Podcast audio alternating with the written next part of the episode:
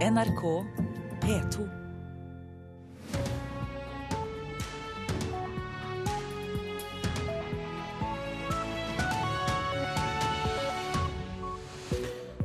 Da er vi i gang med Nyhetsmorgen tirsdag 29. april, og nå klokka 6.30 er dette hovedsaker. 8% lønnsvekst til lektorer krever akademikerne. Etter regjeringsskiftet er én av ti av de rød-grønne toppolitikerne blitt PR-rådgiver. Russiske myndigheter truer med at sanksjonene mot landet vil få konsekvenser. Tørr og mild vinter gjør det vanskeligere for naturen selv å reparere skogbrannskader. Og vi skal høre at myke, mekaniske seler skaper ro og trivsel for demente. Åh, hva er det som skjer der oppe? Den er liksom ufarlig, søt og koselig. og liksom, Da får du frem gode følelser for den, og at han er, han er nøytral.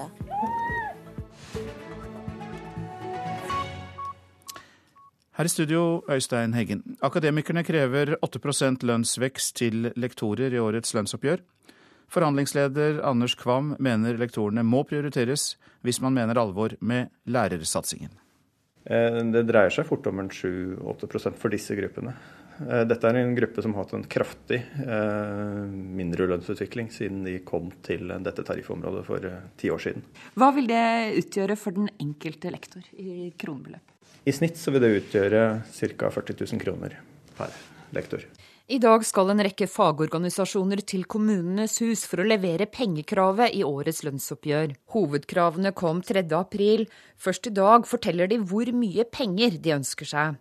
Akademikerne leverer et krav på vegne av lektorene som de selv kaller spenstig. Det er et spenstig krav, men eh, vi får ikke en god skole uten gode lærere. Men likevel, det har vært mye snakk om moderasjon i år. Eh, på hvilken måte vil du kalle dette kravet for moderat? Eh, slik det er nå, så er lærerne lønnstapere år etter år etter år. Og det er ikke et godt grunnlag for å få en god skole. Reporter Line Tomter. I går ble det klart at USA innfører nye straffetiltak mot Russland. EU har også sanksjoner på trappene. Russiske myndigheter truer nå med at sanksjonene vil få konsekvenser. Hans-Wilhelm Steinfeld i Moskva, ja, hva slags reaksjon kan komme fra Russland? Den har allerede kommet, og den er meget defensiv. Viseutenriksminister Ryabkov er på alle TV-kanaler nå og sier at USA har mistet sansen for virkeligheten eh, gjennom de nye sanksjonene, som rammer veldig nær teltene til Vladimir Putin. Hvorfor mener da Obamas kritikere hjemme at sanksjonene må skjerpes? Ja, uh, det går på at de uh, skal være tannløse. Det sier jo russerne også at de er. Uh, sannheten ligger vel et sted midt imellom. Men republikanerne i USA, og det merker man seg jo i Kreml, krever hvassere sanksjoner. til tross for at denne siste runden også tar hele store statseide firmaer i Russland og svartelister. Obama forsvarer jo det han kaller sanksjonenes sivile karakter. Hvorfor er det så viktig å understreke det? Jo, fordi Obama sier under sin rundtur i Asia at det er vel ingen som tror at vi kan sende våpen, så mye våpen inn til Ukraina at det skulle så å si skremme den russiske hæren fra eventuelt å gå inn. og Derfor så mener han at diplomatisk internasjonalt press og sanksjoner er viktigst. Dette innser òg lederne i Ukraina, både mannen som antagelig blir president 25. mai, eh, Pjotr Porosjenko, og russernes verste fiende i Ukraina, høyresektorens eh, leder Dmitrij Jarosj, sier jo til NRK at de innser helt klart at Nato ikke kan forsvare Ukraina med militære midler, heller ikke USA. Ja, Russlands eh, forsvarsminister Sergej Shoigu sa i går til sin amerikanske kollega at Russland ikke har til hensikt å invadere Ukraina, så hvordan skal vi tolke den forsikringen? Den skal vi tolke som et russisk forsøk på å berolige vestmaktene. Fordi både utenriksminister Sergej Lavrov og president Vladimir Putin har tidligere sagt det samme. Viktigst er det jo at Putin eh, den dagen de innlemmet Krim i Russland, sa at Russland ikke var interessert i en videre oppdeling av Ukraina. Og her ligger jo da logisk sett en forpliktelse på ikke å invadere Sørøst-Ukraina. Så det er så langt det stående offisielle russiske standpunktet. Og så leser vi også på nyhetsbyråene at representanter for EU og Russland er enige om å holde et trepartsmøte med Ukraina om landets gassgjeld til Russland. Og hva kan komme ut av et slikt møte? Ja, Nå vekker det oppsikt her i Moskva at fungerende statsminister i Kiev Arsenij Jatsenjuk eh, nå går ut og sier at Ukraina kan tenke seg å betale 286 eh, dollar for 1000 kubikkmeter russisk gass. Det er 200 dollar mindre enn russerne krever. Samtidig så er det på tale nå å kjøpe billigere gass fra Tyskland og sluse østover til Ukraina. Og holdningen i Kiev er at de må differensiere sitt eh, oppkjøp av gass eh, for å ha flere bein å stå på, og at russisk gass må, og gassfirmaer selger gass på, må innse at Ukraina også er et marked det må konkurreres i. Så er det én ting til. Veldig mye av gassen til Europa fra Russland må fortsatt gå gjennom Ukraina, så de står ikke helt uten et forhandlingskort når det gjelder russerne. Og i dag har jo Russland økt gassprisen til 485 dollar per 1000 kubikkmeter gass til Ukraina. Det er den dyreste prisen i Europa. Dette kan ikke russerne klare å forsvare. Mange takk skal du ha, Hans-Wilhelm Steinfeld eh, i Moskva. Etter regjeringsskiftet ble én av ti av de rød-grønne toppolitikerne PR-rådgiver. Flere statsråder og statssekretærer gikk da til private lobby- og påvirkningsselskaper. Den eh, forrige regjeringen forkastet et forslag om å forby tidligere toppolitikere å gå over i PR-bransjen. Oversikten Klassekampen har laget viser at fire av 40 statsråder har gått over til PE-bransjen. Blant de 117 statssekretærene er tallet 11. Aller flest har gått til First House, som nå har seks tidligere regjeringstopper fra den rød-grønne regjeringsperioden 2005-2013 i sin stall. Dette er tidligere Ap-statsråd Bjarne Håkon Hansen, Kjetil Linseth, Morten Wetland, Jan Erik Larsen, Erlend Fuglum og Torbjørn Giæver Eriksen. I tillegg har flere startet egne rådgivende virksomheter. Til VG sier professor Inge L. Bakker, leder av utvalget som skulle vurdere karantenereglene, at de anbefalte et forbud for tidligere statsråder å gå rett over i lobbyvirksomhet. Reporter det var Jo Grunde Gudbrands. Det vil ta lang tid før naturen ordner opp og det spirer og gror etter gressbrannen på Edlandsfjellet på Ålgård i Rogaland. Det sier skogbrukssjef på Nord-Jæren, Arnt Mørkesdal. Store områder ble svidd svarte av gressbrannen, og skadene på naturen kan bli store pga. den milde vinteren i Rogaland, ifølge skogbrukssjefen. I dag kan det ikke være bedre. Det er jo fint vær og solskinn og vindstille, så det er jo i dag må jeg jo si at forholdene er helt topp for å gå på tur i skog og mark.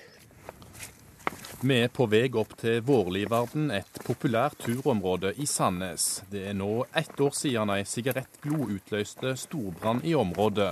Ennå er skadene godt synlige i naturen. Ja, det stemmer det. En ser at en del av bunnvegetasjonen, sånn som lyng og litt einer, er dødt, og en del bjørkekratt. Men eh, det en òg ser at eh, at hele bondevegetasjonen begynner å etablere seg på nytt. Ikke minst med blåbærlyng og tyttebær, og òg eh, kommer.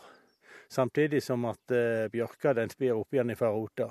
Men den uvanlig kalde vinteren med frost og tele i bakken gjorde at flammene bare gjorde skader på overflata ved Vårlivarden i april i fjor.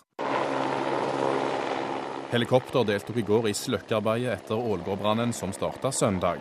Den milde vinteren i år gjør at konsekvensene etter denne brannen vil bli større enn etter vårlig brann i fjor, mener skogbrukssjef Mørkesdal. Der er jeg redd for at det kan være litt verre, for eh, det er så tørt i bakken og at da kan regne med at eh, varmen trekker ned i jorda og brenner opp humusen, og dermed ødelegger en del av røttene. Og Det er jo det vi ser med skogbrann, at eh, den kan jo ligge og ulme nede i humusen og og, og i, i, mose og sånt, og ikke minst i eh, i, i dagevis. Og plutselig kan det blusse opp. Så i og med at det ikke har vært noe televinter, så er jeg redd for at uh, det kan bli mer skade der enn iallfall her på, rundt Vårlivarden. Ifølge skogsjefen kan det ta to til tre år før naturen har ordna opp og det spirer og gror etter brannen på Ålgård. Ja, det vil, jeg, det vil jeg regne med at det gjør. For, eh, for har det begynt å eh, brenne i bakken, så vil det iallfall ta lengre tid. For da må det etablere seg mer fra frø enn ifra at eh, det eksisterende røttene kan spire opp igjen. Men gras- og lyngbrann er ikke bare negativt, poengterer Mørkesdal. Nei, det er det ikke. For det er det er en del individer, og ganske mange egentlig, som er avhengig av å ha ei brannflate for å overleve. Men eh, for det så skal en eh, unngå eh, ha, og han har brenning. For i, det, gjør, det, gjør, mer skade enn det gjør godt. Men, og ikke minst inn, hvis det er noe storskog i nærheten. Da kan det være en katastrofe for skogen. Og, og, og, det kan lett bre seg videre mot, ned mot bygninger og andre ting. Sånn at uh, skogbrann bør en for all del unngå. Og nå som det er så tørt, så bør en òg følge det de signalene en får at en skal ikke gjøre opp eh, åpen ild i, i skog og mark. Denne reportasjen var laget av Magnus Stokka. Så til det avisene har på forsidene. Petter Stordalen betaler 0,01% i formuesskatt, skriver Aftenposten. Beregninger gjort ved Handelshøyskolen i Bergen viser at han og elleve andre milliardærer betaler langt mindre formuesskatt enn satsen på 1,1% Nøkkelen til lavere formuesskatt er å ha mye gjeld og penger i eiendom. Ikke alle sjefer har sjefslønn, kan vi lese i Bergens Tidende. Jannicke Nesset er direktør i teknologiselskapet Uni Mikro i Modalen og har 82 ansatte. Likevel tjener hun ikke mer enn en ufaglært offshorearbeider.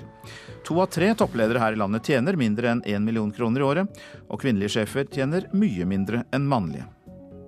Kina kan komme til å kjøpe gigantområdet på Svalbard, skriver VG. Investoren Henning Horn fra Bergen eier området Austre Adventfjord like utenfor Longyearbyen, som er rikt på kull. Horn forsøkte å selge området til staten, men fikk ikke svar. Kjøper Kina området, kan de få et fotfeste i Arktis, sier polarforsker Willy Østreng. Bjørn Kjos ber eh, Irland om hjelp til å bruke asiatisk personell på langrutene til Norwegian fra Europa til USA. Hvis ikke flytter han selskapet tilbake til Norge igjen. Det er oppsiktsvekkende, mener Jack Netzgard i Norsk Flygelederforbund. Han mener at Norwegian stiller et ultimatum overfor irske myndigheter. Sexsalget tar av på Twitter, kan vi lese i Vårt Land. Mange sexarbeidere bruker det sosiale mediet til å annonsere for sine tjenester. Hovedmotivasjonen er å formidle hva arbeidet vårt handler om, sier sexarbeider Hege Grostad til avisa. I Kristiansand har biltrafikken økt, selv om det ble innført rushtidsavgift i fjor, skriver Federlandsvenn. Trafikken gjennom bomstasjonen har økt med 1,3% For dårlig kollektivtilbud, sier folk avisen har snakket med. Flyttestrømmen til byene blir sterkere, skriver Nasjonen. Flere flytter til det sentrale østlandsområdet. Og de som kommer til byene, de blir der.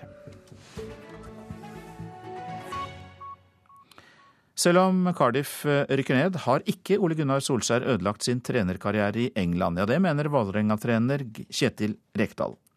Søndag forsvant det meste av håp om at den walisiske klubben skal berge plassen i Premier League, men Rekdal er ikke urolig for Solskjærs trenermuligheter. Nei, det har han ikke. Nei, for Cardiff er jo et båndlag, og det er klart at det skulle jo et under til å redde dem. og så Hvis han får fortsette, uansett hvordan det går, så vil han få orden på dem. Søndag ble Cardiff ydmyket av Sunderland og tapte hele 4-0 i en kamp de måtte vinne for å ha noen mulighet til videre spill i Premier League. Selv om det ser mørkt ut for Solskjær sin klubb, er Sarpsborg 08-trener Brian Dean enig med Rekdal. Dean mener det var en i overkant tøff oppgave for nordmann å ta over en klubb som slet på bunnen av tabellen. You know, Han overtok klubben i en tung periode. Så vidt jeg vet, likte Solskjær Cardiff sin spillestil godt. Jeg vil tro at fra neste sesong får han satt enda mer preg på klubben og gjort tingene på sin måte. Ja, han, har, han, har, sikkert gjort det maksimale ut av det som er mulig. Jeg tror ikke, Du kunne regne med at Cardiff skulle begynne å vinne kamp etter kamp etter kamp. for det er så såpass høyt nivå på Premier League at uh, og Cardiff er et av de svakeste lagene, så da vil du ikke vinne mange kamper. Og reporter her, det var Hilde Liengen. Du lytter til Nyhetsmorgen. Klokka den er ganske straks 6.44, og dette er hovedsaker. 8% lønnsvekst til lektorer krever akademikerne i årets oppgjør. Etter regjeringsskiftet er én av ti av de rød-grønne toppolitikerne blitt PR-rådgiver. Og tørr og mild vinter gjør det vanskelig for naturen selv å reparere skogbrannskader.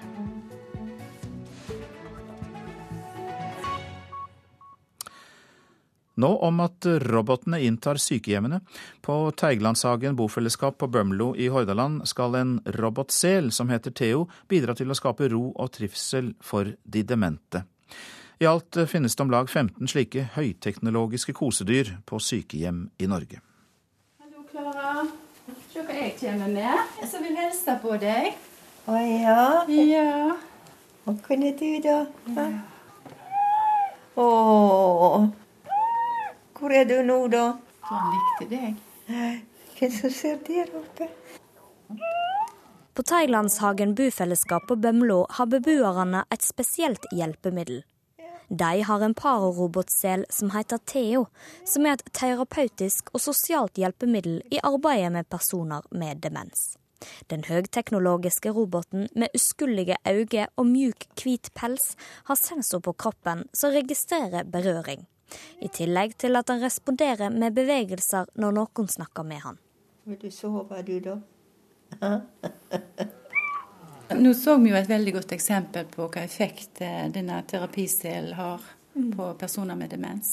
Hun, eh, hun våkna med en gang for når hun så han og hørte, så at han ler på seg og så disse her store, svarte øynene.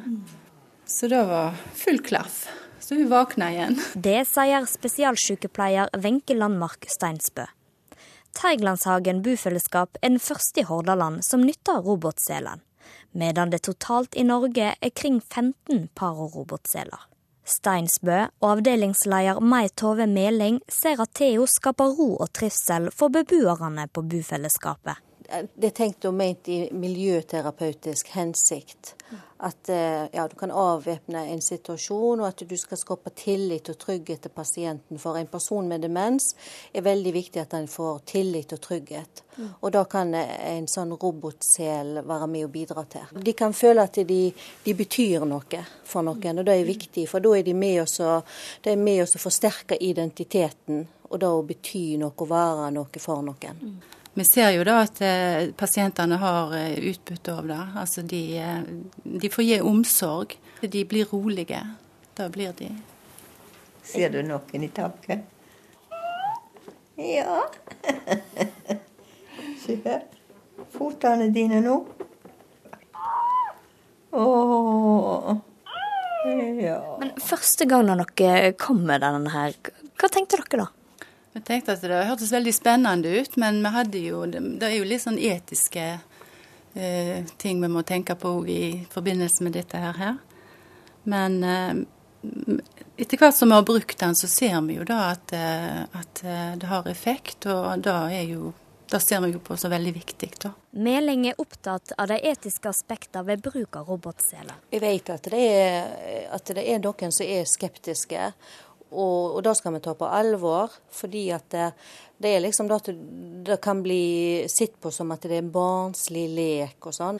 Og jeg tror nok òg at det er en modningsprosess da å bruke paroen og bruke en sånn type dyr eller leker, eller hva jeg skal si, i terapeutisk hensikt. Fordi at det, vi har reflektert på forhånd før vi har tatt den i bruk. Og det er ikke erstatning for personalet eller mm.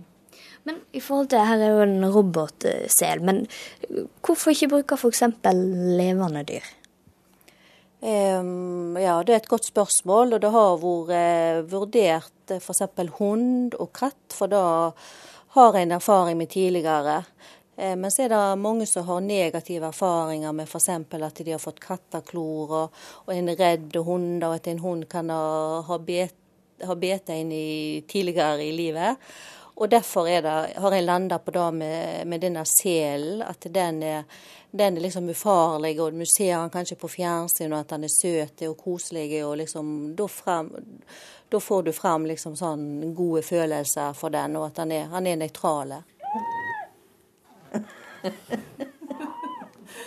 Der var hun. Og det var Tale Hauso som rapporterte fra Teigelandshagen bofellesskap på Bømlo. Bråket rundt minnestedet for Utøya-tragedien ser ikke ut til å være over. I går prøvde kommunalminister Jan Tore Sanner å ro gemyttene blant de misfornøyde naboene ved å utsette etableringen med ett år og love en bedre prosess. Samtidig understreket han at det ikke er aktuelt å flytte minnestedet vekk fra det planlagte Sørbråten ved Utvika. Og dermed fortsetter striden om minnestedet.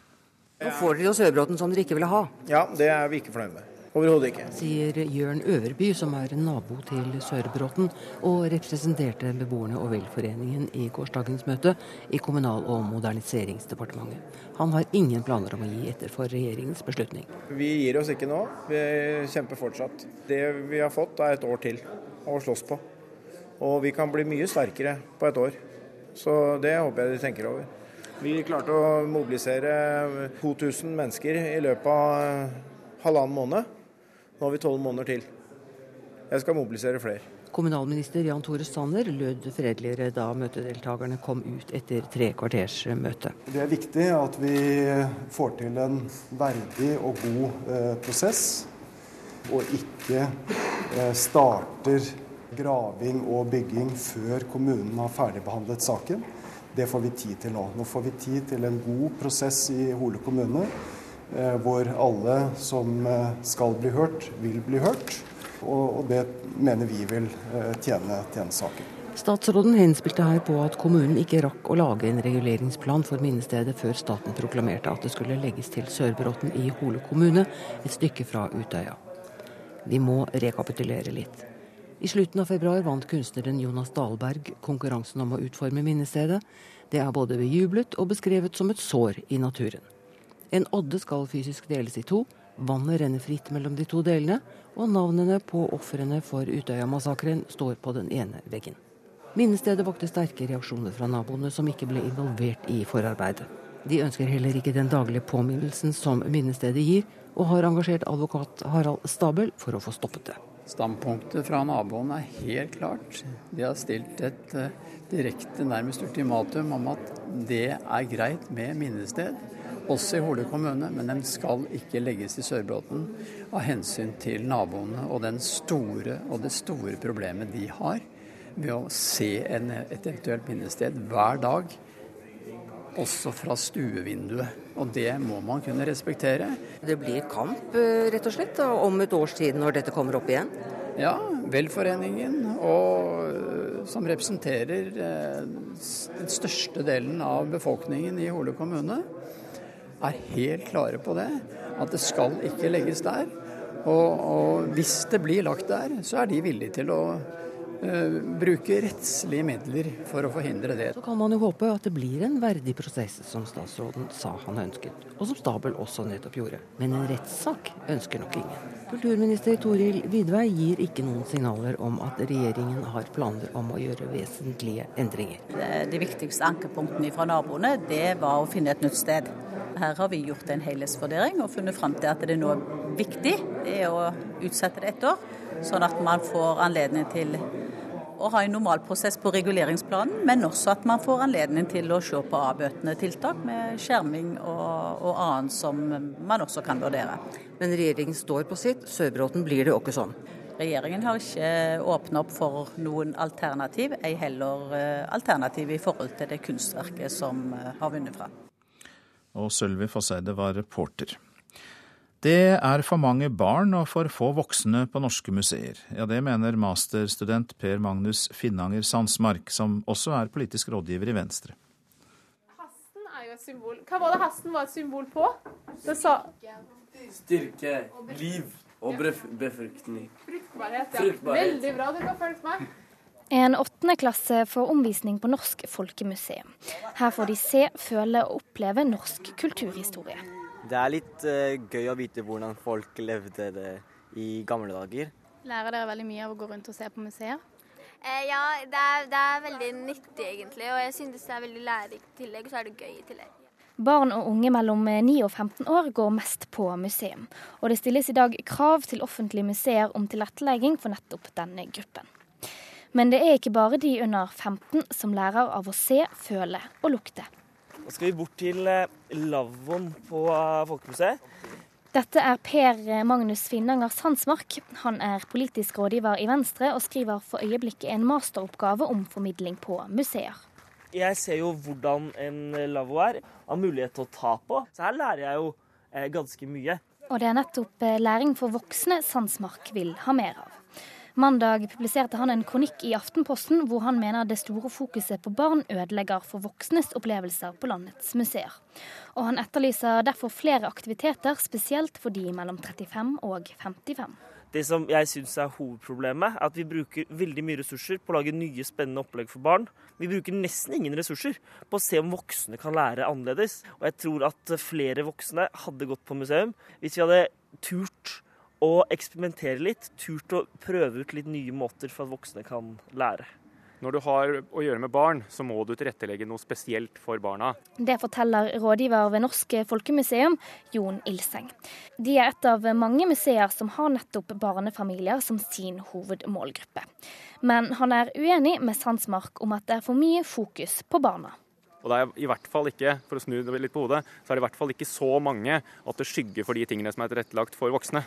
Generalsekretær i Norges museumsforbund Liv Ramskjær ser på sin side flere av poengene til kronikkforfatteren, og mener helt klart at det er et potensial for å nå ut til enda flere grupper. Økt mangfold eh, og, bredde i tilrettelegging, og kanskje også fokus på at eh, de oppleggene man lager skal kunne fungere godt for mer enn én gruppe, kan være én løsning på, på denne utfordringen. Tilbake på Norsk Folkemuseum lærer Sandsmark litt om samisk reinfangst og lassoknuter. Se om jeg klarer å fange trereinsdyret. Og det klarte jeg nesten ikke. Eller nå henger den over geviret, men jeg klarte ikke å fange reinsdyret skikkelig. Han eh, tror det er et eh, spørsmål om prioriteringer som forhindrer museene i å lage flere aktiviteter som denne. Jeg tror det ikke lenger bør være et krav at alle museer skal tilpasse seg barnefamilier. Jeg tror at noen museer like gjerne kan være kjempegode på å gi det beste tilbudet til 40 år gamle menn og damer. Reporter her, det var Marie Røsland. En 18 år gammel gutt er alvorlig skadd etter at han ble knivstukket i Skien sentrum i går kveld. Politiet leter etter en 19-åring som vitner har pekt ut som gjerningsmann. 18-åringen skal være utenfor livsfare og blir behandlet på sykehuset Telemark i Skien. I Bergen er to menn arrestert etter et slagsmål der det ble brukt kniv. De to ble pågrepet i natt, og begge var blodige og hadde sår etter slagsmålet i Bergen sentrum. Og de to sitter nå fengslet og venter på avhør. Presidenten i Sør-Korea ber om unnskyldning for fergekatastrofen som kostet over 300 mennesker livet. Han sier han er lei seg for at myndighetene ikke klarte å forhindre ulykken. Mange av passasjerene var elever ved en videregående skole. Kapteinen og alle besetningsmedlemmene som overlevde ulykken, er pågrepet og siktet for grov uaktsomhet. 115 personer er fortsatt savnet etter at fergen kantret utenfor kysten av Sør-Korea 17. april. Så var det værvarselet fram til midnatt. Fjellet i Sør-Norge skiftende skydekke, spredte sludd- eller snøbyger, vesentlig i nord. Østlandet skiftende skydekke, opphold, men enkelte regn- eller sluddbyger nord og vest på Østlandet. Telemark skiftende skydekke, oppholdsvær, men enkelte regnbyger fra i ettermiddag. Agder stort sett pent vær, men mer skyet vær øst i Agder. Rogaland og Hordaland morgentåke, men ellers stort sett pent. Sogn og Fjordane får nordlig liten kuling på kysten, ved Stad nordøst stiv kuling. Enkelte regnbyger, snø i høyereliggende strøk i Sogn og Fjordane. Utpå dagen blir det oppholdsvær og en del sol. Så var det Møre og Romsdal og Trøndelag. Perioder med liten kuling. Enkelte regnbyger, snø over 400 meter. I kveld kan nedbøren komme som snø ned mot 100 meters høyde. Nordland nordvestlig liten kuling, sludd- og snøbyger, regn på kysten i sør. Så går vi til Troms. Nordøstlig liten, nordøstlig liten kuling, enkelte sludd- og snøbyger, vesentlig i eh, sør. Og så var det Finnmark. Der blir det spredte snøbyger. Nordensjøland får stort sett pent vær.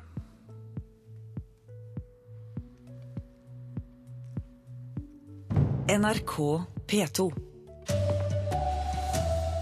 Folk over 50 år stiller bakerst i jobbkøen og sliter med å få jobb. Og i år må lektorene få et godt oppgjør, krever akademikerne. Her er NRK Dagsnytt klokken er sju. Folk over 50 år bør tenke seg godt om før de tar sluttpakke eller sier opp jobben. Til tross for et brukbart arbeidsmarked kan det nemlig bli svært vanskelig å få en ny jobb, selv om du er godt kvalifisert. I en undersøkelse spurte Steinar Hoppland ved Senter for seniorpolitikk 26 større private bedrifter om de ansetter folk over 50 år. Veldig få av disse bedriftene rekrutterer folk inn utenfra over 50 år. De hadde i alle fall i liten grad gjort det de siste to år. Når vi så kom til gruppen mellom 55 og 60, så var det enda sjeldnere og nesten helt uvanlig at man rekrutterte inn utenfra.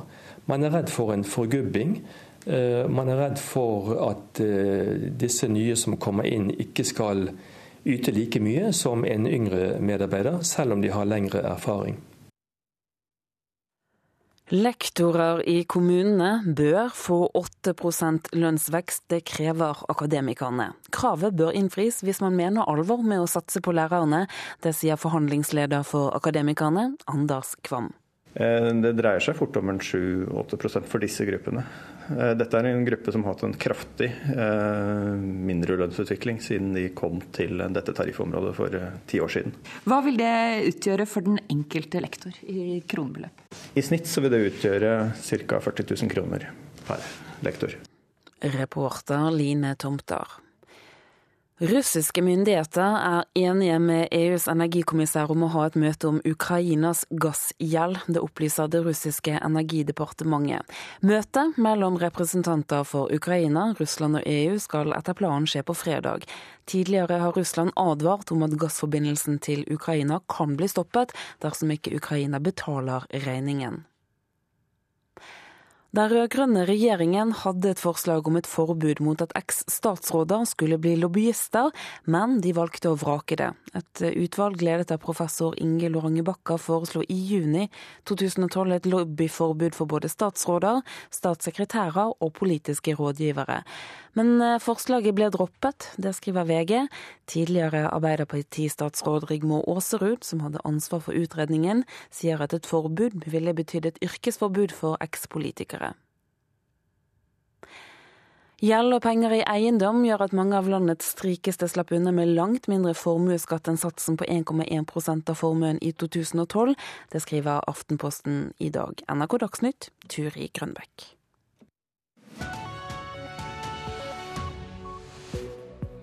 Nyhetsmorgen fortsetter med mer om at folk over 50 sliter med å få ny jobb. Private barnehager velger ut hvilke barn som skal gå i deres barnehage. Foreldre mener trynefaktor avgjør. Sammenbrudd i Midtøsten-forhandlinger. Vi analyserer hvorfor. Og vi skal høre at Instagram og Facebook selger Nord-Norge. Folk over 50 bør tenke seg godt om før de tar sluttpakker eller sier opp jobben. Til tross for et brukbart arbeidsmarked kan det nemlig bli svært vanskelig å få ny jobb, som vi hørte i Dagsnytt, og det er altså en ny undersøkelse som viser det.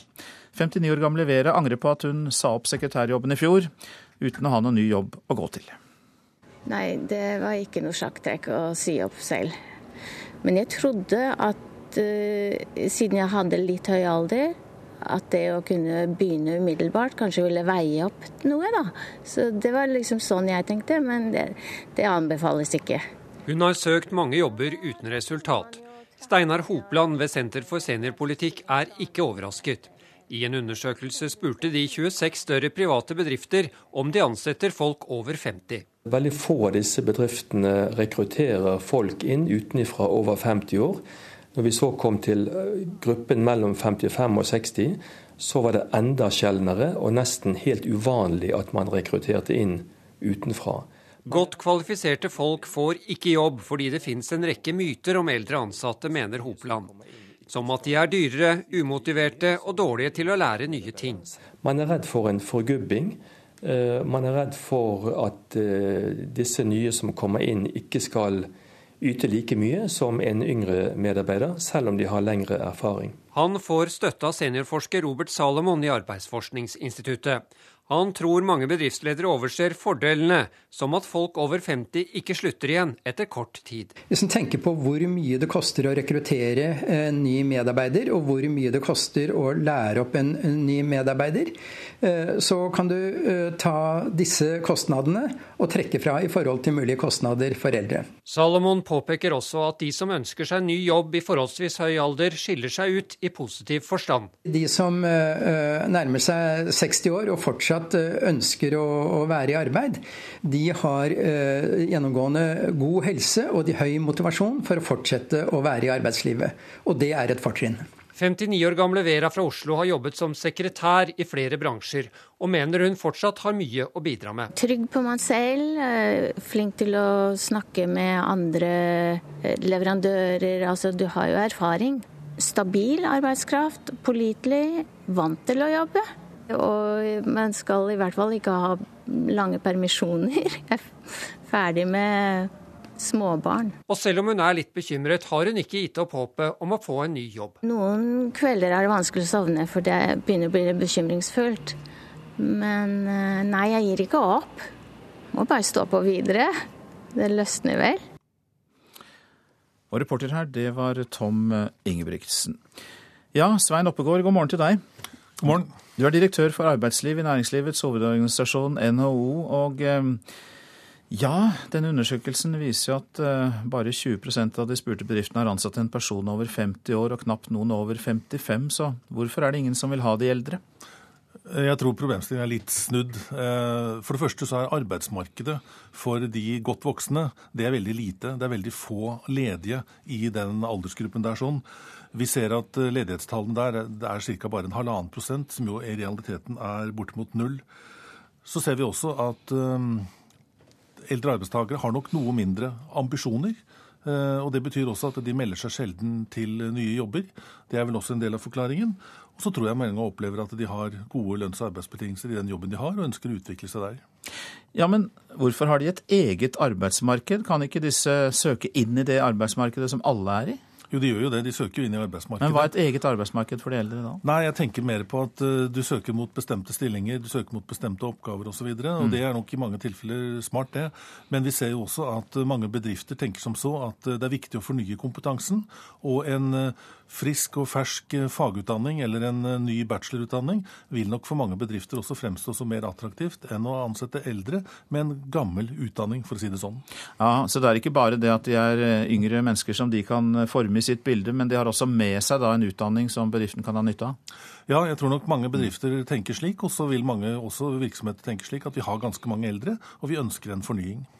Men er de eldre også mye dyrere enn 30-åringene? Da tenker jeg på pensjonsforhold bl.a.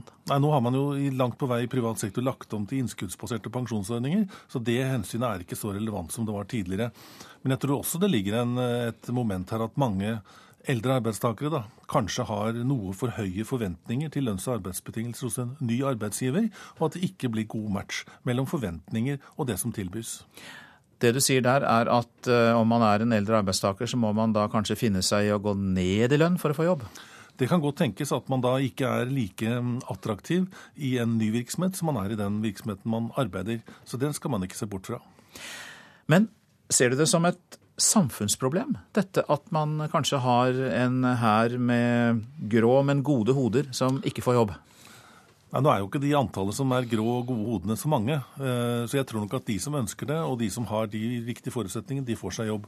I makro, for å si det, for et samfunnsøkonomisk perspektiv, så er det viktig at eldre fortsetter å arbeide.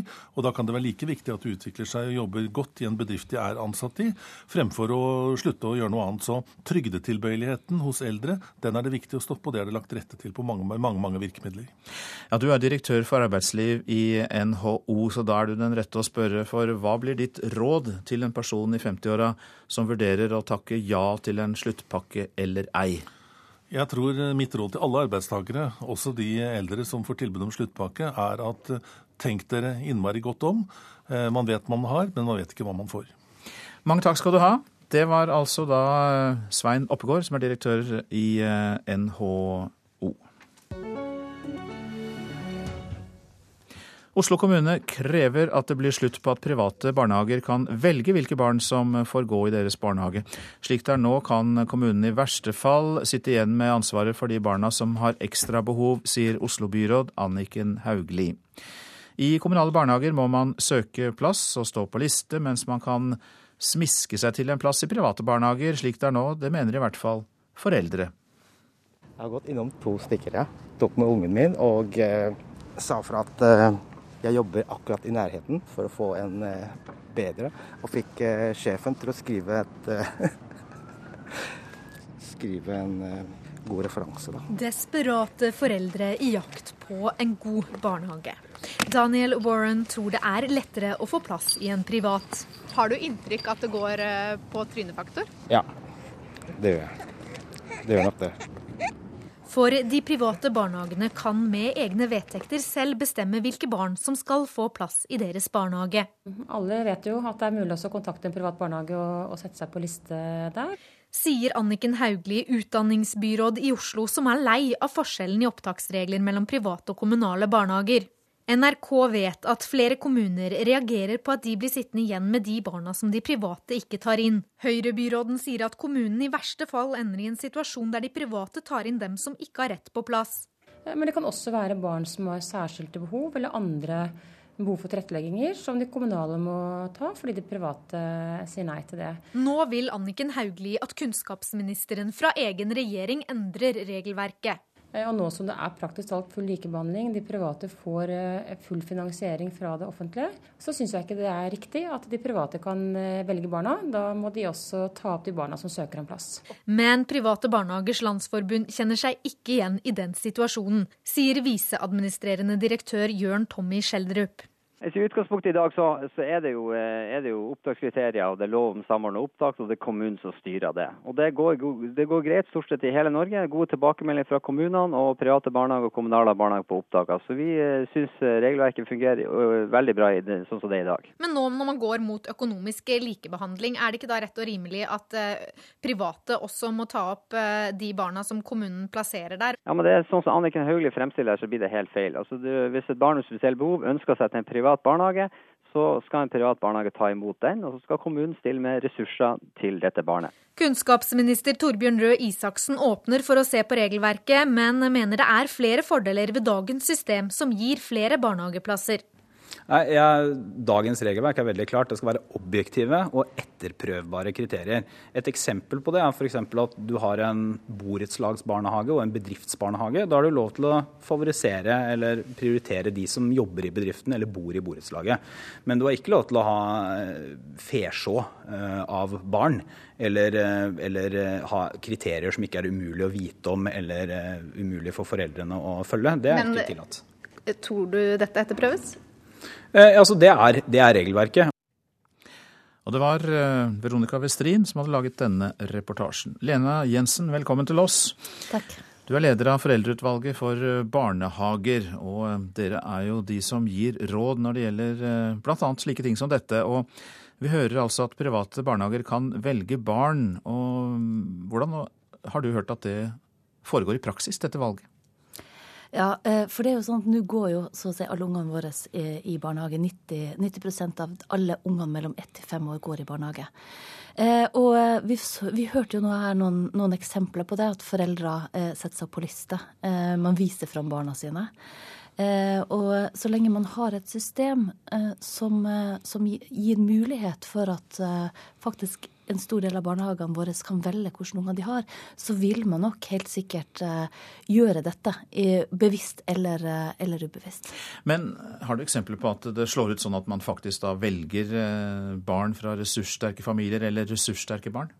Altså Resultatet av, av et sånt system er jo at de barna, barna eh, som man ønsker å ha i barnehagen, har man en mulighet til å velge. Og, da er det jo helt klart at barna med aktive foreldre, med ressurssterke foreldre, og i mange sammenhenger så eh, ser man jo også at man, det kan være vanskeligere med ressurs, eh, med barn som har eh, ekstra eh, behov, å ta det inn. Og det er jo også en, en, utfordring når man også må vente på at disse barna får, eh, får den hjelpen de trenger ganske så, ganske så lenge.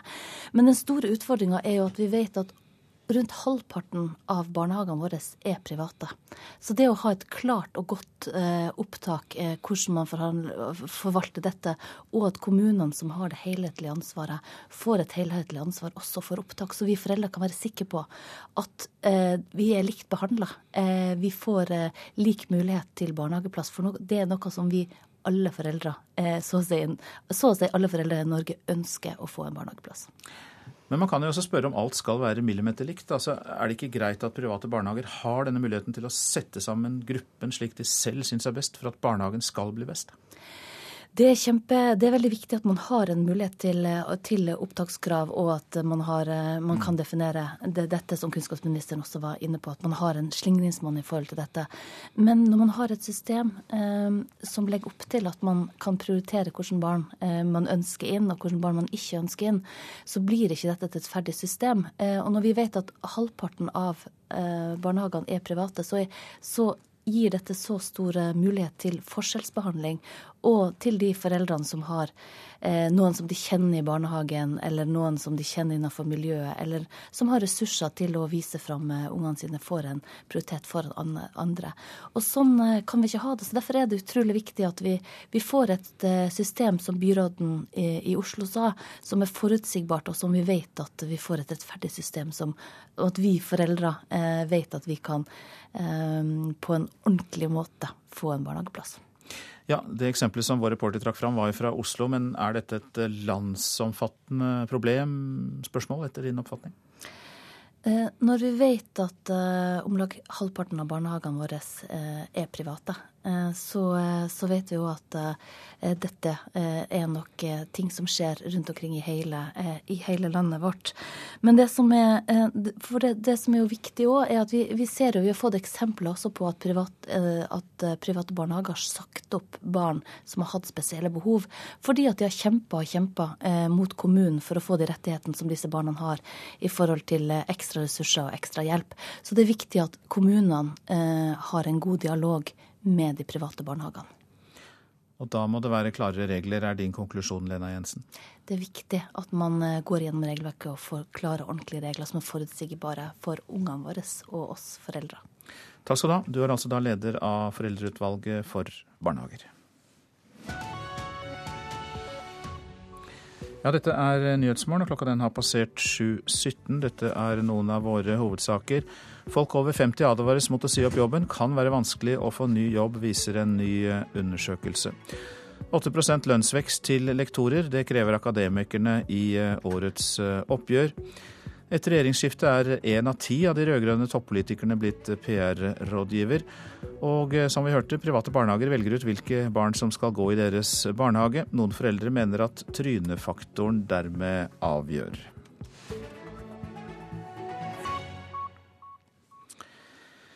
I dag skulle en endelig fredsavtale mellom israelerne og palestinerne vært klar hvis USAs utenriksminister John Kerry hadde fått det som han ville. Det har ikke gått helt slik som han sa for ni måneder siden, forteller Midtøsten-korrespondent Sigurd Falkenberg Mikkelsen, og det skyldes både Kerry selv og partene. Well, det er 29. april i dag, og det skulle vært USAs utenriksminister John Kerrys store dag. I hvert fall hvis det hadde gått slik han sa for ni måneder siden. Det var nemlig fristen han ga seg selv og israelere og palestinere. Ikke bare for å komme fram til en avtale, men en endelig avtale på en konflikt som har vart i mer enn et halvt århundre. Han mislykkes, som så mange før ham, og nå er kampen i gang om hvem som hadde skylden. Israels statsminister Benjamin Netanyahu har drevet en offensiv mediekampanje de siste dagene. Her er han i et BBC-intervju med Jeremy Bowen. You have suspended negotiations now with the Palestinians. What's plan B? Well, it depends on uh, uh, President Abbas, the Palestinian uh, leader. He made a decision. He made a decision instead of choosing to embrace peace with Israel, he made a pact with Hamas. Netanyahu fikk noen flere kort å spille med da palestinernes president Mahmoud Abbas inngikk en samarbeidsavtale med Hamas på Gazastripen. Men denne gangen har Netanyahu en vanskeligere jobb enn sine forgjengere i å flytte skylden over på palestinerne. Det var israelerne som nektet å frigi den siste runden med palestinske fanger, samt at de hele tiden har fortsatt utbyggingen på okkupert område i strid med all folkerett, som var den utløsende årsaken. Netanyahu leder en høyrevridd regjering hvor bl.a. bosetterpartiet Det jødiske hjem deltar.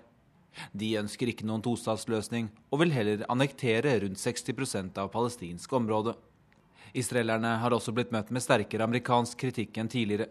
Utenriksminister Kerry skal sågar ha advart om at Israel kan bli en apartheidstat dersom det ikke blir noen tostatsløsning. Det skjedde i et lukket forum, men er uvanlig språkbruk fra en sittende amerikansk utenriksminister. Kerry mente også at begge de to lederne delte skylden for sammenbruddet. Men det kortsiktige skyldspørsmålet og dynamikken der er ikke den egentlige årsaken. Det gikk galt for Kerry og hans forhandlere fordi de fortsatte å forhandle innenfor det samme systemet som ble etablert under Oslo-forhandlingene, og som ikke har lykkes på 20 år, og ikke gjorde det denne gangen heller. I tillegg ble det forhandlet mellom enda mer ulike parter enn tidligere.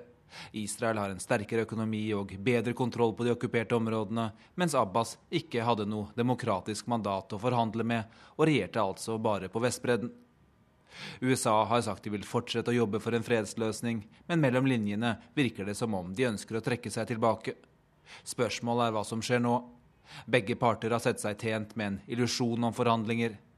Den illusjonen er nå brutt. Det var kanskje uunngåelig, og et stort prestisjenederlag for John Kerry og amerikanerne er det. Men det kommer først og fremst til å gå utover partene selv. Så til avisenes eh, forsider. Petter Stordalen betaler 0,01% i formuesskatt, skriver Aftenposten. Beregninger gjort ved Handelshøyskolen i Bergen viser at han og elleve andre milliardærer betaler langt mindre formuesskatt enn satsen på 1,1 Nøkkelen til lavere formuesskatt er å ha mye gjeld og penger i eiendom. Men ikke alle sjefer har sjefslønn, kan vi lese i Bergens Tidende. Jannicke Neset er direktør i teknologiselskapet Unimikro i Modalen og har 82 ansatte. Likevel tjener hun ikke mer enn en ufaglært offshorearbeider. To av tre toppledere tjener mindre enn 1 million kroner i året, og kvinnelige sjefer tjener mye mindre enn de mannlige. Kina kan komme til å kjøpe et gigantområde på Svalbard, skriver VG. Investoren Henning Horn fra Bergen eier området Austre Adventfjord like utenfor Longyearbyen, som er rikt på kull. Horn forsøkte å selge området til staten, men fikk ikke svar. Kjøper Kina området, kan de få et fotfeste i Arktis, sier polarforsker Willy Østreng. Bjørn Kjos ber Irland om hjelp til å bruke asiatisk personell på Norwegians langruter fra Europa til USA.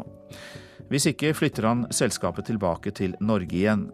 Det er oppsiktsvekkende, sier Jack Netskar i Norsk Flygelederforbund, for han mener at Norwegian dermed stiller et ultimatum overfor irske myndigheter. Sexsalget tar av på Twitter, kan vi lese i Vårt Land. Mange sexarbeidere bruker det sosiale mediet til å annonsere for sine tjenester. Hovedmotivasjonen er å formidle hva arbeidet vårt handler om, sier sexarbeider Hege Grostad. I Kristiansand har biltrafikken økt, selv om det ble innført rushtidsavgift i fjor, skriver Fedrelandsvennen. Trafikken gjennom bomstasjonen har økt med 1,3% For dårlig kollektivtilbud, sier folk avisen har snakket med. Flyttestrømmen til byene blir sterkere, skriver Nasjonen. Flere flytter til det sentrale østlandsområdet, og de som kommer til byene, de blir der.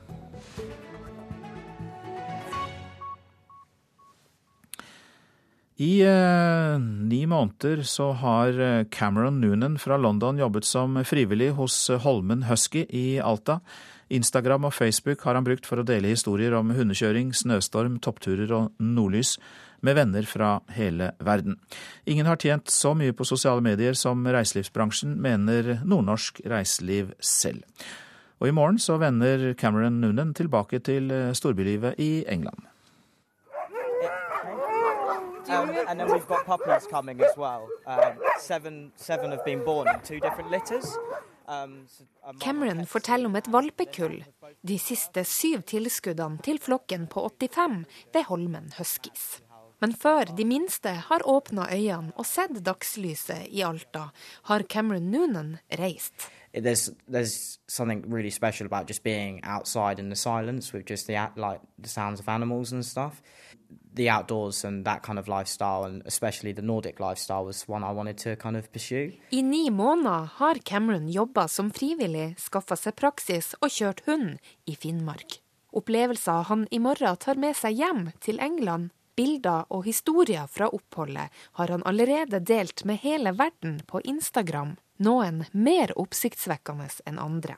Som da han som fersk finnmarking gikk på Haldetoppen i jeans og joggesko. Our manager came up to me and said, "Are you really going up there like that?" And I just said, "Yeah, I think it's fine. It's it's. It, I had no idea how different it can be on on the ground level to how different it can be up in the mountains." So fast forward to 9 p.m. and we're halfway up to how, the top of Halder, me and Veergaard. It's completely like a whiteout. We're stuck in a snowstorm. I've got trainers and jeans on, trudging through with way, with snow going way beyond my kind of my knees, maybe halfway up to my waist almost. Snøstorm og null sikt til tross, det hele gikk bra til slutt. Og når han og kameraten satt tørr og varm innendørs på toppen av Halde, var det hele gjort. Cameron var blitt forelska i Finnmark. Got in. I just remember making a yeah, some grill pulser, yeah, and uh, a few beers and playing cards all night. And that was probably my happiest moment in Outer because of the achievement and also just generally being relieved that I wasn't dead somewhere along the way. Cameron har lagt hundrevis av bilder på Instagram fra sterke naturopplevelser og merka dem med Finnmark, til inspirasjon for venner fra hele verden. Ingen har tjent så mye på sosiale medier og nettopp delingskulturen som reiselivsbransjen, sier Hilde Bjørkli i Nordnorsk Reiseliv. Hvis jeg kan eh, bruke Tromsø som et eksempel, som har eh, en, uh, hatt en veldig nordlysboom, eh, så uh, har man i, i Tromsø fått en hobby som heter nordlysfotografering. Det hadde man ikke for noen år siden. Og det at, um, det at sosiale medier gjør at man kan dele uh, bilder med sine venner og venners venner, uh, det er nok en av hovedgrunnene til at uh, vinterturismen har slått så an som den har gjort. Et annet eksempel er et nordlysbilde Nordnorsk Reiseliv delte på egen Facebook-side. Bildet har til nå blitt delt fire millioner ganger, forteller Bjørkli. Hvis dere skulle betale for at eh, fire millioner mennesker skulle se en eh, nordnorsk reiselivreklame, hva ville det kosta, tror du? Nei, Det kan jeg ikke estimere engang. Det ville ha kosta enormt. Og tilbake hos Holmen Husky er eier og hundekjører Eirik Nilsen takknemlig for å ha hatt Cameron hos seg denne sesongen. Jeg tror jo, og jeg håper jo også det at det vil bidra til at vi får flere kunder. Fordi at han eh, forteller om eh, sin vintersesong her på Holmen. Og han har jo gjort masse andre ting. Fordi de jobber ikke her sånn som full jobb. Han har vært på alle ti toppene i Alta. Han har vært på Nordkapp det å være her en vintersesong det innebærer at de får oppleve mye utenom Alta og Holmen. Og sjøl om han må reise hjem i morgen, er returplanene allerede på plass. Han kommer tilbake for å hente Alaska Huskyen Morgan, en av vennene som han har delt for mange opplevelser med, til å forlate i Finnmark. I'd never used Instagram really prior to the coming out here.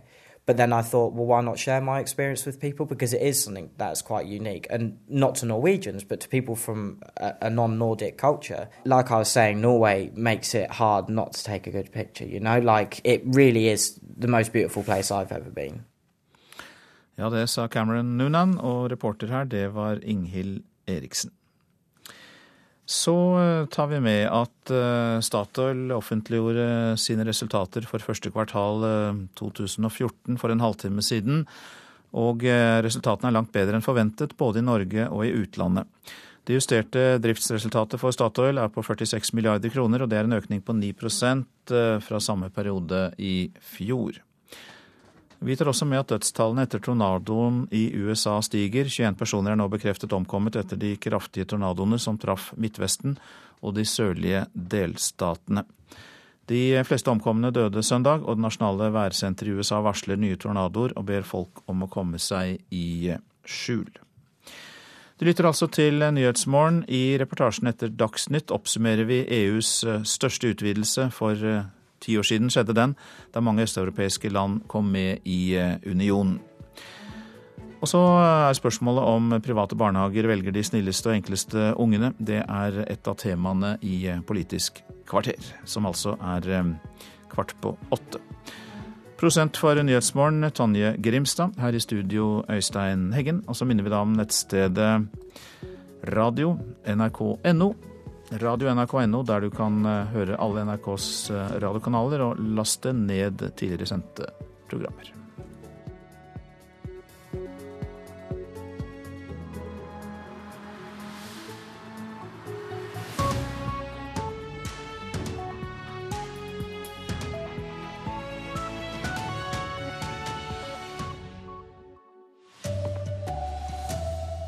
Folk over 50 år blir advart mot å si opp jobben. Private barnehager velger ut barn. Trynefaktor avgjør hvem som får plass, mener foreldre. Og apartheid-kommentar om Israel har ført til bitter krangel både i USA og i Israel. Mer her i NRK Dagsnytt. Riktig god morgen, klokken er 7.30. Folk over 50 år bør tenke seg godt om før de tar sluttpakker eller sier opp jobben. Til tross for et brukbart arbeidsmarked kan det være svært vanskelig å få en ny jobb, viser en fersk undersøkelse. 59 år gamle Vera angrer på at hun sa opp sekretærjobben i fjor høst uten å ha noen ny jobb å gå til. Det var ikke noe sjakktrekk å si opp selv. Men jeg trodde at siden jeg hadde litt høy alder, at det å kunne begynne umiddelbart kanskje ville veie opp noe, da. Hun har søkt mange jobber uten resultat. Steinar Hopland ved Senter for seniorpolitikk er ikke overrasket. I en undersøkelse spurte de 26 større private bedrifter om de ansetter folk over 50. Veldig få av disse bedriftene rekrutterer folk inn utenfra over 50 år. Gruppen mellom 55 og 60 så var det enda sjeldnere og nesten helt uvanlig at man rekrutterte inn utenfra. Godt kvalifiserte folk får ikke jobb fordi det finnes en rekke myter om eldre ansatte, mener Hopland. Som at de er dyrere, umotiverte og dårlige til å lære nye ting. Man er redd for en forgubbing. Man er redd for at uh, disse nye som kommer inn, ikke skal yte like mye som en yngre medarbeider, selv om de har lengre erfaring. Han får støtte av seniorforsker Robert Salomon i Arbeidsforskningsinstituttet.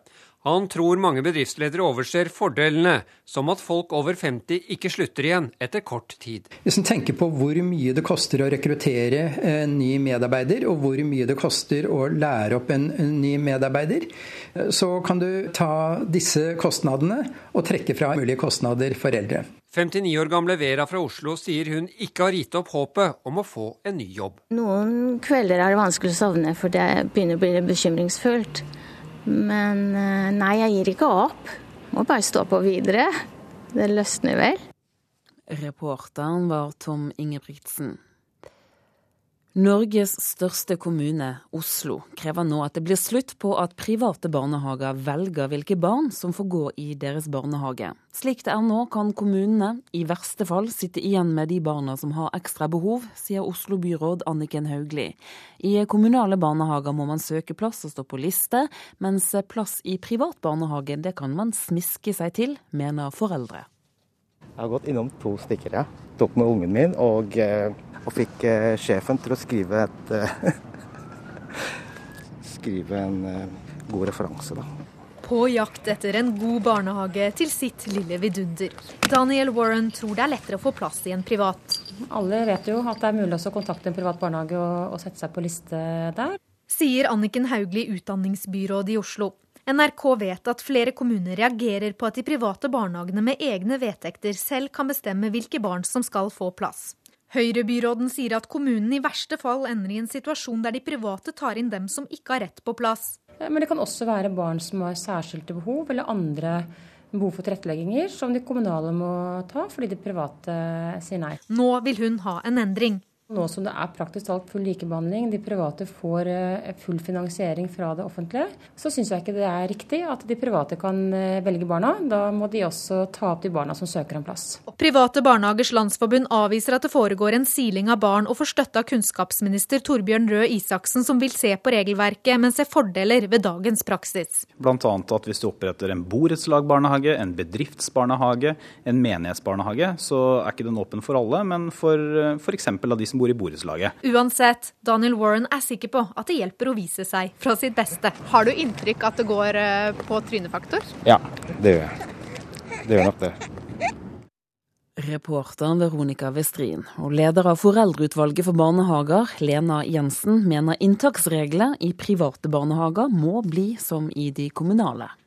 Når man har et system som legger opp til at man kan prioritere hvilke barn eh, man ønsker inn, og hvilke barn man ikke ønsker inn, så blir ikke dette et ferdig system. Eh, og når vi vet at halvparten av barnehagene er private, så, er, så gir dette så stor mulighet til forskjellsbehandling, og til de foreldrene som har eh, noen som de kjenner i barnehagen, eller noen som de kjenner innenfor miljøet, eller som har ressurser til å vise fram eh, ungene sine, får en prioritet foran andre.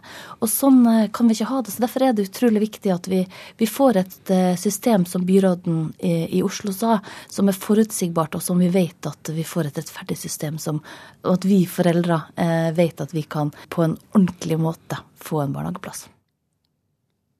USAs utenriksminister John Kerry benekter at han har kalt Israel en apartheidstat. Saken har uansett ført til fordømmelser og krav om at Kerry må gå av. Utenriksministeren hadde satt en tidsfrist som går ut i dag, for å finne en fredsløsning i Midtøsten.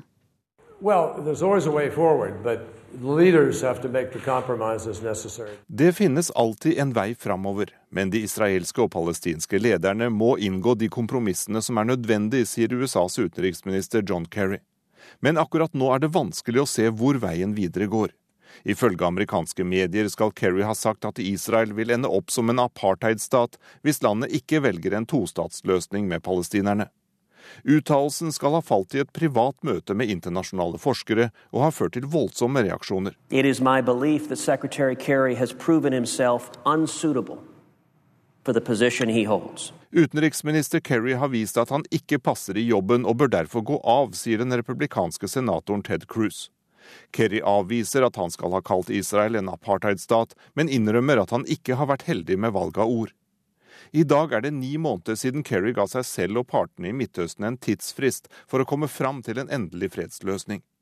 Utenriksministeren skulle nok gjerne hatt noe annet å vise fram i dag enn en bitter krangel om ord. The only thing that save us is for John Kerry to win a Nobel Peace Prize and leave us in. Det eneste som kan redde oss nå, er at Kerry får Nobels fredspris, og så lar oss være i fred, sier senator Cruz. Reporter Jan Espen Kruse. Dødstallet etter tornadoene i USA stiger. 21 personer er nå bekreftet omkommet etter uværet i Midtvesten og de sørlige delstatene de siste dagene.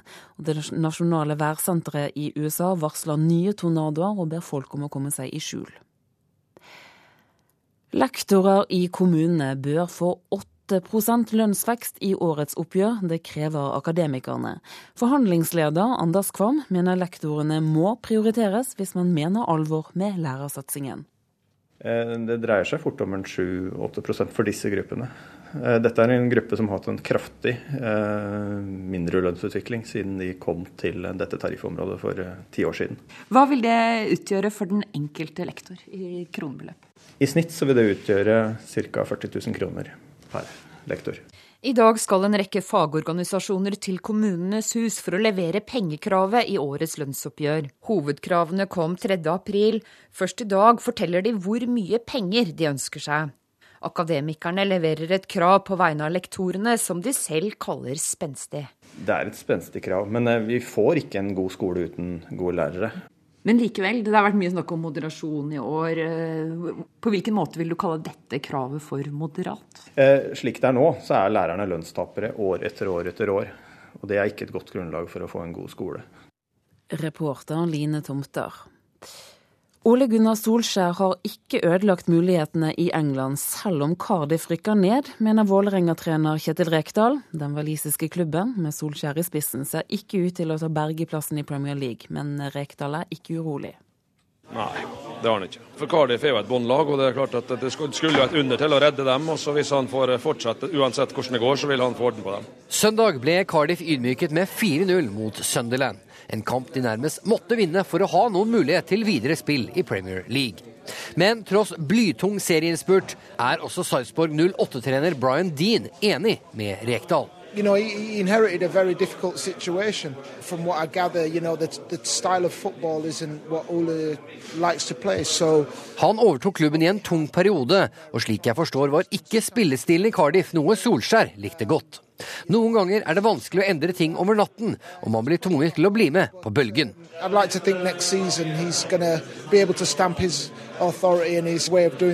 on han har sikkert gjort det maksimale ut av det som er mulig. Jeg tror ikke Du kunne regne med at Cardiff skulle begynne å vinne kamp etter kamp etter kamp, for det er såpass høyt nivå på Premier League. Og Cardiff er et av de svakeste lagene, så da vil du ikke vinne mange kamper.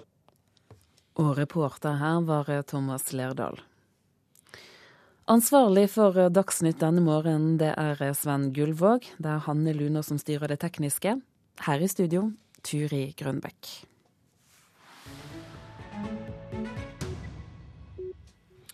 Dette er Nyhetsmorgen. For eh, ti år siden ble EU utvidet med ti land og 74 millioner innbyggere. Utvidelsen var den største i unionens historie, og mange fryktet at storprosjektet ville ende i kaos.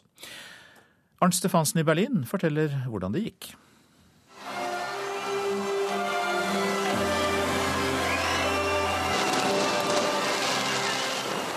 Det var en stjernestund for Den europeiske union da 74 millioner europeere i ett jafs ble med i samarbeidet.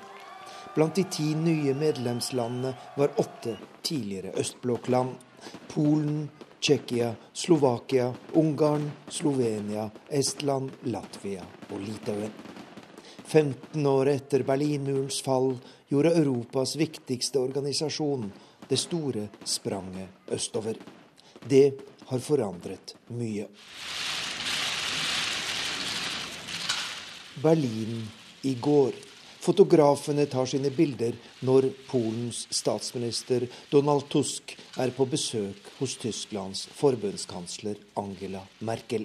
Ja, meine Damen und Herren, ich freue mich, Donald Tusk ähm, heute in Berlin begrüßen zu können. Det nære samarbeidet mellom de tidligere erkefiendene Tyskland og Polen er blitt en av hjørnesteinene i det nye alleuropeiske EU.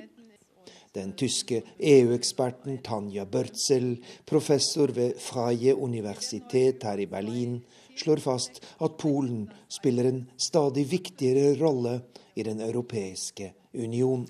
Ich denke, dass Polen in der EU seinen Platz gefunden hat. Polen har funnet en plass i EU som står i forhold til landets betydning. Den tysk-franske aksen vil fortsatt være bærebjelken i EU-samarbeidet, men Polen er kommet til som en viktig tredje kraft. Dette handler bl.a. om at det historiske forholdet mellom Tyskland og Polen nå er bedre enn noen gang før, sier eksperten.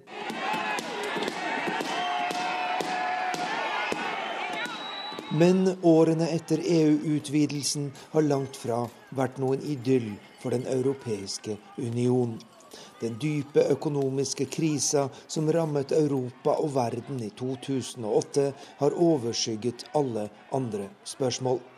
Det paradoksale er likevel at de nye medlemslandene, som mange hevdet var dårlig skikket for medlemskap, har greid seg bedre gjennom krisa enn mange av de gamle EU-medlemmene i Sør-Europa, sier professor Tanja Børtzel. Erstmal sind die meisten mittelosteuropäischen Ländern eigentlich ganz gut, verhältnismäßig gut durch die Krise gekommen. Das hat auch was damit zu tun. De fleste landene i Sentral-Øst-Europa er kommet relativt godt gjennom krisa.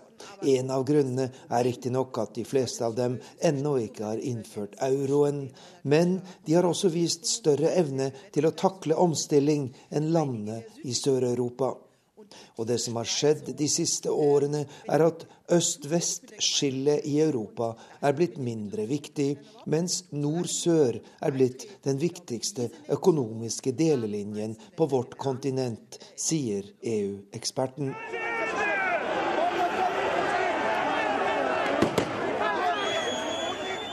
Ti år etter EUs utvidelse mot øst er det ikke finanskrisa, men situasjonen i Ukraina som først og fremst bekymrer europeerne. For mange, særlig i de tidligere kommunistlandene i øst, er det et sjokk at den kalde krigens språk og maktmidler igjen står på dagsordenen i Europa. Dette er hovedsaker i Nyhetsmorgen. Folk over 50 advares mot å si opp jobben. Kan være vanskelig å få ny jobb, viser undersøkelse. Private barnehager velger ut hvilke barn som skal gå i deres barnehage. Foreldre mener trynefaktor avgjør. 8% lønnsvekst til lektorer som er ansatt i kommunene, krever akademikerne i årets oppgjør. Etter regjeringsskiftet er én av ti av de rød-grønne toppolitikerne blitt PR-rådgiver.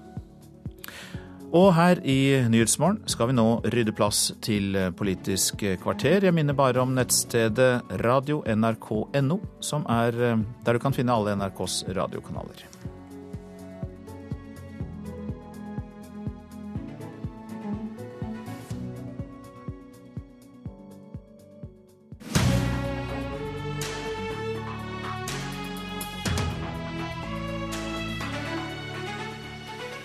Er det greit at private barnehager shopper de beste barna, og landets folkevalgte ville gjøre grunnlova mer forståelig for folk flest, men klarer ikke bli enige? God morgen, dette er Politisk kvarter i studio Astrid Randen. I Dagsnytt i dag hørte vi om en far som gikk rundt til private barnehager og fortalte hvor snill og grei dattera hans er, i håp om å få en plass. Og Oslo-byråd Anniken Hauglie fra Høyre sa hun vil ha slutt på at private kan velge barn, for hun frykter de kommunale barnehagene blir sittende igjen med de vanskeligste og mest ressurskrevende barna. Nestleder i SV Bård Vegar Solhjell er det greit at private barnehager shopper barn? Det er ikke greit, det er ikke det. Eh, så skal jeg si at Vi kjenner jo ikke helt omfanget av det her. Jeg, jeg, har hørt de historiene her i en god del år, både fra venner og kjente, og, og hørt om det i mediene. Og En stund så trodde jeg nok at det ville gå ned. Altså fordi at klart Når det var veldig mangel på barnehageplass, så kan man forestille seg at det var mer vanlig. Men jeg fortsetter å høre det senest nå på NRK. Og det første jeg syns regjeringa bør gjøre, det er å sette i gang en systematisk undersøkelse av uh, i hvilket omfang det skjer, og hvordan bildet faktisk ser ut. For jeg har ikke fått med meg at vi har systematisk kunnskap om det. Og så syns jeg forslaget som Oslo kommer med om felles opptak, er verdt å vurdere. For det, det er det allerede kommuner som har i dag. Og da kan man få en lik og rettferdig uh, måte å fordele barnehageplassene på i en kommune. Kunnskapsminister eh, Torbjørn Røe Isaksen fra Høyre, du er med oss fra studio på Stortinget. Hva veit du om omfanget av denne silinga? Nei, Det er helt riktig som eh, Solhjell sier. Vi vet ikke noe om uh, omfanget. Det er i hvert fall Da vi kom inn i departementet for seks måneder siden, så jeg har ikke klart å finne noen rapport om omfanget. Og det er helt åpenbart at når du stiller spørsmålet på den måten som NRK gjør i dag, da, nemlig er det riktig at man shopper barn, så er ikke det riktig. Eh, barnehagene, De private barnehagene de har en mulighet til å i eh, vedtektene sine sette noen kriterier som er objektive og etterprøvbare. La meg bare ta, For å få det litt ned på jorda, la meg ta et eksempel. Det betyr f.eks. at hvis du har en eh, borettslagsbarnehage, så er det lov i vedtektene dine å si at vet du hva, de som er i borettslaget, de har forrang til denne barnehagen. Eller hvis du har en sykehusbarnehage f.eks., som jeg gikk i hjemme i Porsgrunn, så er det lov å si at de som er barn av de på sykehuset, de er, eh, har førsterett. Og så kommer andre, altså da jeg med mine foreldre, kommer etter det. Det mener jeg må være lov. Samtidig så må vi da ha klare regler for å sikre at F.eks. folk med nedsatt funksjonsevne eller barn med nedsatt funksjonsevne, de må uh, tas imot og ha barnehageplass uansett. Men det har en vel i dag? Det har vi i dag, så det er greit å bare få slått fast det også. Men hva med de litt mer krevende barna som ikke da har nedsatt funksjonsevne? Nei, altså jeg, jeg, jeg, forstår jo bekymringen til eh, Oslo. Jeg, det er en helt relevant innvending. F.eks. at i en stor by som Oslo så kan det jo hende at i noen deler av byen så er det flere private barnehager, mens i andre deler av byen er det færre private barnehager. Det forstår jeg.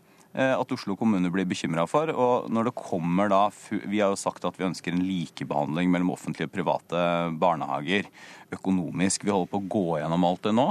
Og det er jo naturlig også å se på opptakskravene, om de slår urimelig ut. Men jeg har lyst til å minne om også at det er noen fordeler med dagens system. F.eks. at hvis du er eh, Mange kommuner tar jo opp rent basert på fødselsdato. Og Det betyr jo at for f.eks. så kan det hende at du får to barn i to forskjellige barnehager i to forskjellige deler av kommunen, mens en privat barnehage har litt mer fleksibilitet og kan f.eks. slippe inn eh, to stykker i samme borettslaget, to søsken som bor nær hverandre i samme barnehage, selv om teknisk sett så var det noen andre da årstalls basert på fødselsdato da, som sto foran. Men eh, du sier at du ønska å se på regelverket, men at det i dag er etterprøvbart. Har du prøvd det? Altså, Veit du noe om dette i det hele tatt? Ja, altså, Det vi vet, er jo hva regelverket er. Men det er helt riktig som eh, Bård Vegar Solhjell sier, og han vet jo også litt om det, for han har jo vært kunnskapsminister selv, at uh, det har ikke vært noen systematiske undersøkelser av dette. Eh, nå er det, jo veld... det er jo Tilsyn av barnehagene foregår jo jevnlig. Det er kommunene som har ansvar for det. Vi vet ikke nøyaktig hvor mange tilsyn de har, men det er de som har sånn overordna ansvar for å sørge for at barnehagene følger loven. Men har dette men... vært da en del av tilsynet? Ja, altså hele barnehagens drift er da, hvis de har stedlige tilsyn som det heter, altså at de dukker opp i barnehagen, så er hele barnehagens drift en del av det. Men det er, helt, det er jo helt åpenbart at det vi snakker om her, er jo ikke noe som er nedfelt i vedtektene. Det er, ikke sånn at, det ikke sånn at det står i vedtekten at du, hvis du har med deg en CV fra sjefen din på jobb, eller hvis du sier at du er, viser at du er revisor og kan hjelpe oss med regnskapet, eller snekker og kan hjelpe oss med å bygge noe ute, så er det større sjanse for at du får barnehageplass. Så jeg, de, alle disse historiene er jo, er jo ikke altså Det er jo ingen barnehager private som har dette offisielt nedfelt på papiret. Dette er jo en praksis. Så jeg syns det er en god idé, som Bård Vegar Solhjell sier, at nå at vi rett og slett prøver å få en oversikt over dette her. Og se om det går an å finne ut i hvor stor grad er det det skjer. Ja, nei, Det høres ut som en første oppsummering av den samtalen her er at, eh, at, det gjør vi bare. Og det tror jeg alle vil synes er fornuftig og, og viktig. Så hvis vi vil prøve å skille litt mellom hva som er et problem og hva som ikke er et problem. Altså Det som ikke er et problem, tror jeg, det er f.eks. at la oss si at NRK har en barnehage, og så eh, har det førstepri de som jobber i NRK der. Det er mange bedrifter og andre eh, borettslag som Røe Isaksen osv. som har det.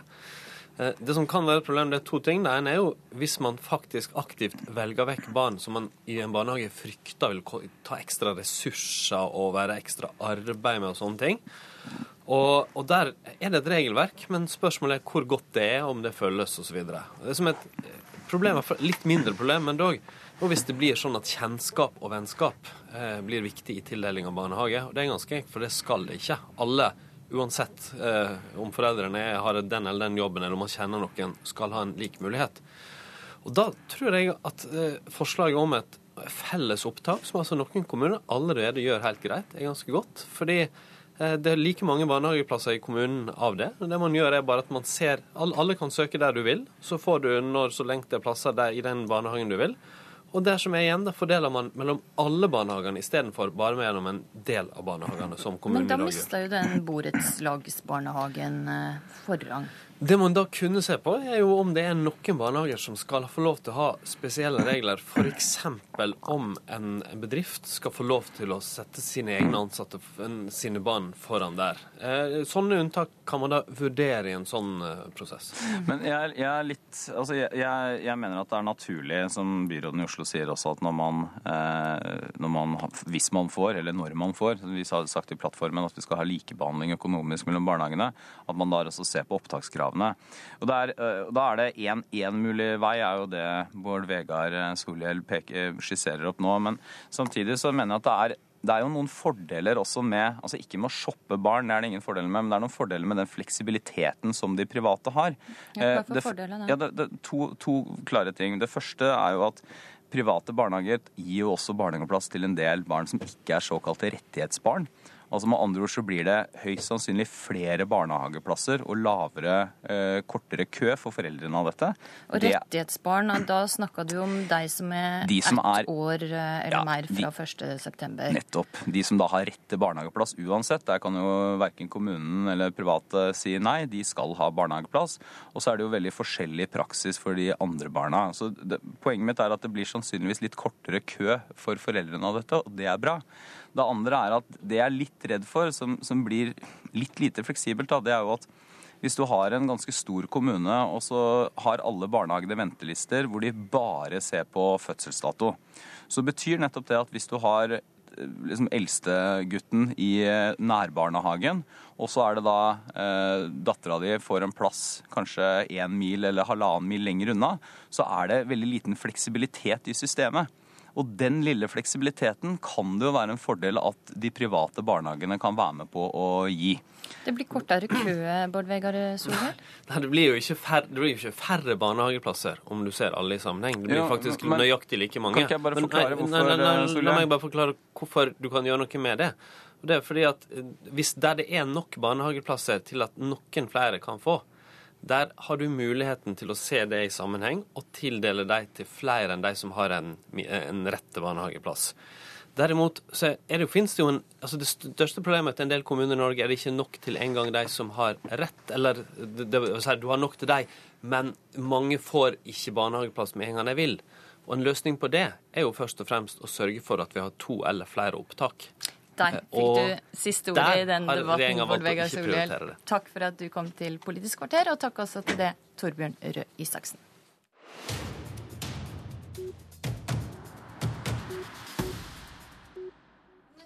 Folkevalgte setter seg som mål å oppdatere Grunnlova til 200-årsjubileet, slik at den blei forståelig for folk flest.